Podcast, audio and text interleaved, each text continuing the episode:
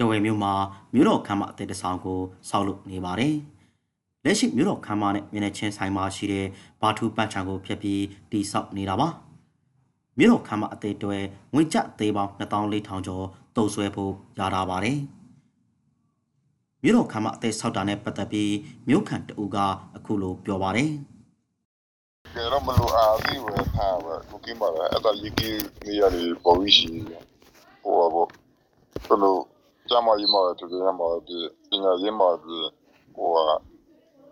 တော့ရဦးနေရာတွေပေါ်ပြီးရှိအခုတော့ကမ္ဘာလို့လာမလို့အားသေးပဲထားဟိုတယ်တဝဲကိုနှစ်ရှိငှားထားတဲ့မီနီယာထဲမှာလက်ရှိတဝဲမြို့တော်ခမ်းမမီနီယာရဲ့တစိ့တစ်ပိုင်းပါဝင်နေတယ်လို့2018ခုနှစ်ကကျင်းပတဲ့လော့တော့စီဝေးမှတ်တမ်းထဲမှာဖော်ပြထားပါတယ်။ ဟိုတယ်တဝဲရဲ့ပိုင်ရှင်ကတော့စက်ကောင်စီလက်နက်ပွဲစားလို့ဆိုတဲ့ခရိုနီတထေဒေါက်တာထွန်မင်းလက်ဖြစ်ပါတယ်။လက်တလုံးမှာတော့ဟိုတယ်တဝဲက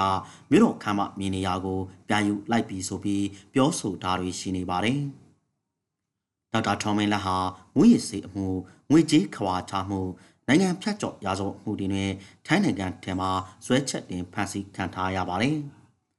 သူနဲ့အပေါင်းပါထိုင်းနိုင်ငံသား6ဦးကိုတော့ထိုင်းတရားရုံးကတည်တံချမှတ်ထားပါတယ်။မြို့တော်ခမ်းမအသက်ကိုစောင့်နေပြီးဖြစ်တာကြောင့်ခမ်းမဟောင်းကိုမကြမီဖျက်ပစ်တော်မယ်လို့ယူဆစရာရှိလာပါတယ်။တင်းင်းသာရီတိုက်လန်ဦးစီးဌာနတာဝန်ရှိသူတေဦးကတော့အခုလိုပြောဆိုပါတယ်။လောလောဆယ်ကတော့ကျွန်တော်တို့ကဒီစီမံကိန်းကတော့ကျွန်တော်တို့ကနှစ်နှစ်လောက်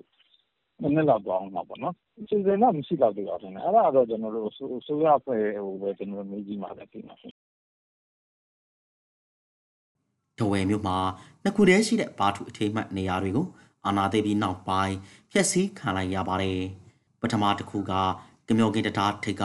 ဘုံမူဘာထုရွှထုစိုက်ထူထားတဲ့ ပန်းချံဖြစ်ပြီး လမ်းနဲ့မလော့လို့ဆိုပြီး ဖျက်ပစ်လိုက်ပါတယ် ကမျောကင်းတတားထိပ်မှာတော့ ရုတ်တုသာကြံပြီး ပန်းချံမရှိတော့ပါဘူး ပန်းချံနေရာမှာအဝိုက်ပတ်ပြောင်းလိုက်ပါပြီနောက်တစ်ခုကတော့အခုမြို့တော်ခမ်းမအသစ်ဆောင်မဲ့ဘာထူပန်းချံနေရာပါစစ်ကောင်စီတိုင်ပြောရေးဆိုခွင့်ရှိသူထံကိုဘာထူပန်းချံထဲမြို့တော်ခမ်းမအသစ်ဆောက်တဲ့ကိစ္စအသေးစိတ်သိရဖို့ဖုံးဆက်ပေးမယ်ဖိုးမကင်ပါဘူးမြို့ခံအချို့ကတော့အဲ့ဒီကိစ္စဝေဖန်နေကြပါတယ်